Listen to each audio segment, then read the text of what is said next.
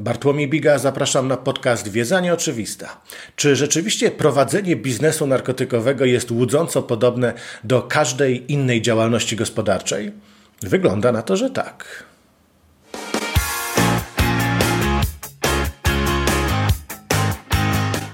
Wszystkim oburzonym, że przecież narkotyki są szkodliwe, nielegalne, a prawdziwy biznes jest coraz bardziej etyczny i uwzględnia chociażby społeczną odpowiedzialność, od razu odpowiadam, baroni narkotykowi też mają swój CSR i to nieraz dużo lepszy od wielkich firm czy y, tych, których działają po prostu w innych branżach. Podobnie jeśli chodzi o PR, o marketing. A co do legalności, szkodliwości, to wszystko kwestia umowna. Papierosy legalne przecież, mówiąc najdelikatniej, też nie pomagają, a marihuana w niektórych miejscach jest legalna, w innych nie. Więc może to jest wszystko negocjowalne. Tak, oczywiście wiem, że są poważne różnice. Na przykład legalny biznes z reguły nie morduje swoich przeciwników, ale o tych różnicach później. Na razie spójrzmy na kartel narkotykowy jak na każdą normalną międzynarodową korporację.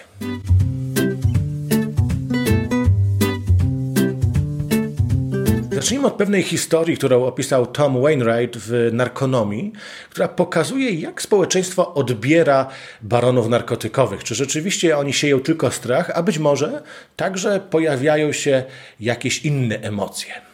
W Culiacanie, w stolicy wstrząsanego narkotykowymi wojnami meksykańskiego stanu Sinaloa, panuje karnawałowa atmosfera. Ulice wypełniają mężczyźni, kobiety oraz dzieci maszerujący i śpiewający do muzyki trąbek i puzonów. Jest luty 2014 roku i Meksyk właśnie usłyszał niespodziewane wieści.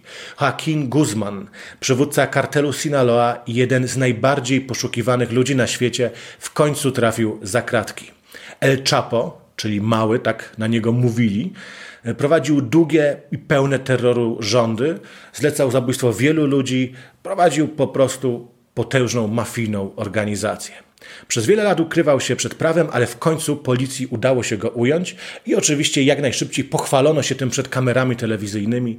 Ta wieść dotarła więc momentalnie do milionów zdziwionych Meksykanów. I reakcja w jego rodzinnym stanie była natychmiastowa. W ciągu kilku dni po ulicach miast Sinaloa rozrzucono ulotki wzywające obywateli do tego, żeby wyjść na ulicę i uczcić tą doniosłą okazję. I Sinaloańczycy rzeczywiście wyszli na ulicę, ale pojawiło się coś bardzo zaskakującego. Pojawiła się taka tendencja, że coraz bardziej ludzie nie cieszyli się z aresztowania, ale wyrażali poparcie dla tego bossa narkotykowego. Gdybyśmy przyjrzeli się transparentom, które się tam pojawiały, to były napisy typu kochamy i szanujemy małego bardziej niż wielu polityków, Sinaloa należy do ciebie mały i tak dalej, i tak dalej. Policja też coraz bardziej wycofywała się z osłaniania tych demonstracji, a coraz głośniej było słychać okrzyk Que viva el Chapo, niech żyje Chapo. Oczywiście to nie jest tak, że wszyscy tam poszli zupełnie swobodnie. Mafia prawdopodobnie też naciskała na nich, żeby w ten sposób się zachować, ale duża część tego entuzjazmu była prawdziwa. Zresztą pojawiały się też urocze wierszyki, pioseneczki komponowane ku czci yy, małego. Yy, Przytoczę jedną taką zwrotkę. Gdy się patrzy na niego, zdaje się być wzrostu mikrego, ale ja go mierzę od głowy do nieba, bo to olbrzym, jakiego nam trzeba.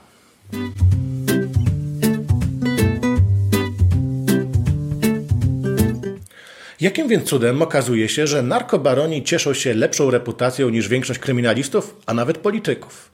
Dlatego, że oni o tą reputację dbają. Podobnie jak każda mafia, wszyscy oni do marketingu, do PR-u podchodzą nomen omen śmiertelnie poważnie. Mają z tego wiele przywilejów, bo oczywiście strach i przemoc to jest skuteczne oddziaływanie, ale nie jedyne. Kiedy prowadzi się tak zróżnicowaną działalność jak prowadzą baroni narkotykowi, autentyczne poparcie w społeczeństwie jest potrzebne. Zresztą zwykle stawia się wybór, który jest dość pozorny, ale tak jak mawiał Pablo Escobar, plata o plomo, czyli łapówka albo śmierć, dosłownie złoto albo ołów. I Taki wybór, mówię, jest raczej pozorny. Natomiast ludzie skorumpowani, którzy żyją na dobrym poziomie dzięki temu, że przymykają oko na niektóre procedery karteli narkotykowych, w pewnym sensie nawet mogą zapałać sympatią. Zresztą oni też prowadzą coś, co nazwać można spokojnie działaniami typu CSR. Przecież ci, którzy oglądali serial Narcos, widzieli, że Pablo Escobar budował boiska, oferował wsparcie biednym dzieciom i nie jest to typowe tylko dla Ameryki Środkowej czy Południowej, bo bo każda mafia działa w podobny sposób. Nawet teraz, w dobie koronawirusa, mafia sycylijska też przyjmuje pewne role państwa, też w pewien sposób pomaga obywatelom na południu Włoch.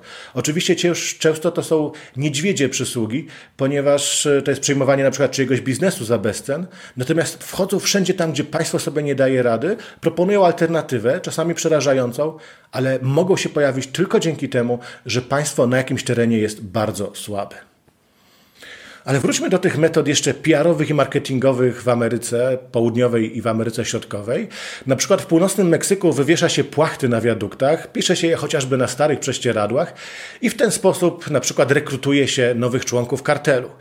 Ogłoszenia mm, brzmią mniej więcej tak. Żołnierzu lub były żołnierzu, grupa operacyjna ZETAS Cię potrzebuje. Zapewniamy wysokie wynagrodzenie, wyżywienie i pakiety socjalne dla Twojej rodziny. Nie pozwól, by Cię źle traktowano i nie przymieraj głodem. Nie będziemy Cię karmić zupką instant. Jakby sobie tak porównać to ogłoszenie z niektórymi ofertami pracy w korporacji, ja widzę tutaj sporo punktów wspólnych.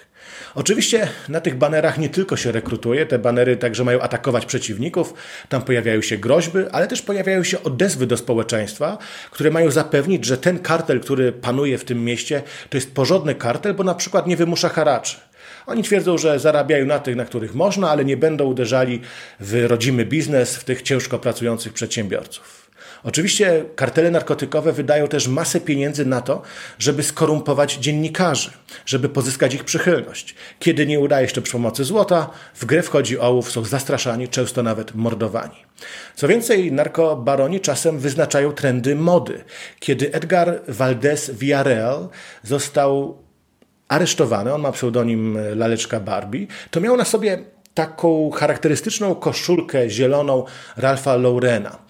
I nie minęło kilka dni, a stoiska w Meksyku były wypełnione na różnych bazarach podróbkami tej koszulki. Ona stała się absolutnym hitem.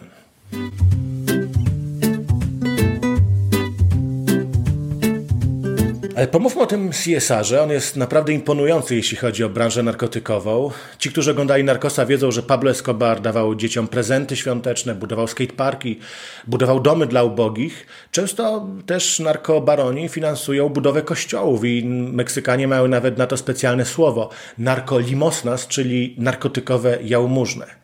Częstą praktyką jest też wypłacanie emerytur. Jeżeli rodzina jakiegoś gangstera, który zginął na akcji albo stał się niezdolny do pracy, potrzebuje wsparcia, to kartel wypłaca emeryturę. I to jest też powód, dla którego wiele osób autentycznie boi się upadku takiego kartelu, no bo kto wtedy przejmie wypłacanie tej emerytury?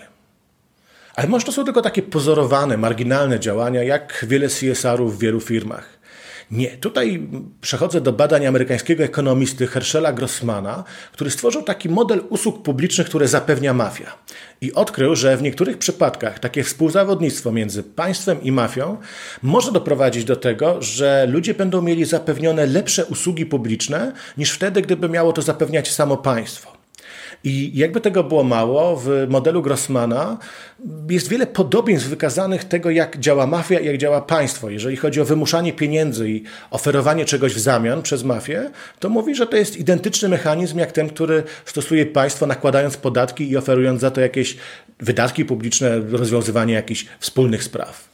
Więc słabość państwa to siła mafii i dlatego tak ważny jest raport przygotowywany przez Światowe Forum Ekonomiczne Global Competitiveness Report, czyli globalny raport konkurencyjności, bo on bierze pod uwagę innymi siłę instytucji w danym państwie, instytucji publicznych, sądów, służb mundurowych itd., tak itd. Tak I ten raport śledzą wszyscy. Legalni biznesmeni patrzą na te kraje, które są na górze listy, bo tam najlepiej robić biznes, a baroni narkotykowi skupiają się na tym, co na dole tej listy, ponieważ tam, gdzie instytucje są słabe, gdzie sądy źle działają, gdzie państwo jest po prostu teoretyczne, najlepiej prowadzić biznesy narkotykowe.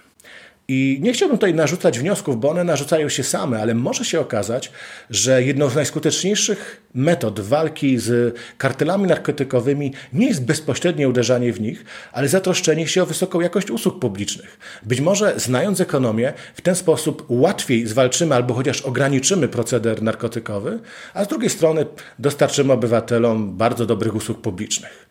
Chyba warto jednak posłuchać ekonomistów w tym przypadku i wykorzystać ich do tego jakże ważnego działania.